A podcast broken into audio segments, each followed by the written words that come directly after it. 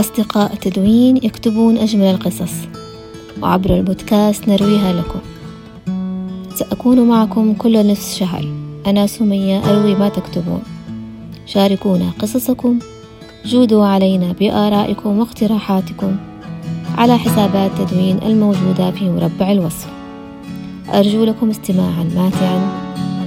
قصة اليوم كتبها أستاذ حسين الغامدي.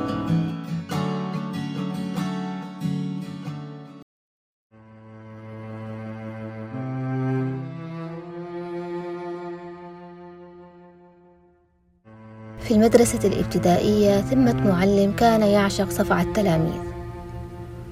أول مرة صفعني كنت في الصف الثالث. لم يكن يدرسنا ولكن حضر بديلا عن معلم غائب. اشتكى التلميذ المجاور بأنني دست على قدمه كان مجاورا لي ووقعت قدمي على قدمه دون قصد. عندما سألني الأستاذ لماذا لم أعرف كيف أجيب. لا أستطيع أن أبرر آنذاك. كنت عاجزا حتى عن التفكير. الرعب من المعلمين كان يملأ قلوبنا وخاصة من ذلك المعلم الذي كان يصفع التلاميذ لأسباب واهية. أحيانا هو يخترعها. أخذ عمامتي من فوق رأسي وثبت بها ذراعي في جانبي. وبدأ يكيل لي الصفعات فهمت لاحقا أنه كان يحاول استهلاك وقت ممل يقضيه في حصة احتياطية. مرة في طريقي إلى صلاة الظهر تفقد وضوئي وعندما رأى مرفق يدي لم يتبلل صفعني ولكنه مررني إلى الصلاة دون أن يطلب مني إعادة الوضوء.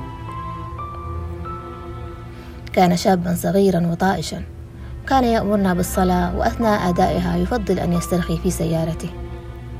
أتت فترة كان يتناقل التلاميذ همسا أن أحدهم رأى والده يجري خلفه يريد أن يضربه وهو فار منه. كانت القصة تشبه الأساطير التي نسمعها آنذاك.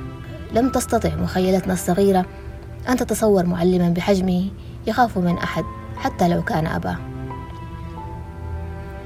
في مساء يوم مر من أمام منزلنا ورآني ألعب الكرة في الفناء الخارجي. اليوم التالي استدعاني وصفعني لأن الكرة كانت محرمة في قانون المدرسة آنذاك عدا في الحصة المخصصة لها. في إحدى الحصص زودنا بأسئلة تحريرية. نجيب عنها سؤالا سؤالا أثناء الحصة. كنت أتنافس مع أحد الزملاء أينا أسرع في الحل؟ مرة يسبقني ومرات أسبقه. وكأني لمحت في نظرة الأستاذ رضا الأمر الذي اطمأننت له. بعدها طلب منا أن نرسم جدولا من صفين وثلاثة أعمدة. رسمته بسرعة بالمسطرة وقلم الرصاص. وقدمته له أثناء ما كان يتجول بيننا. قدمته فرحا وكأني أنتظر كلمة تشجيع. نظر إلي أومأ برأسه مستحسنا وانصرف. ثم استدار وعاد إليه. أشار بإصبعه إلى أحد الخطوط وقال مائل. وقبل أن تصلني كلمته تلك فاجأني بصفعة. في إجازة العيد كلفنا بكتابة عشرين صفحة بقلم الحبر. قبل أن أنتهي منها بقليل كررت إحدى الكلمات. وقضيت وقتا طويلا كيف أمسحها دون أن يعرف. أشاروا علي بأن أستخدم قطنا مشبعا بالكلوريكس. أضعه على الكلمة المكررة. عندما فعلتها ظهرت بارزة على كثير من الصفحات. فأكملت بقية الإجازة في رعب.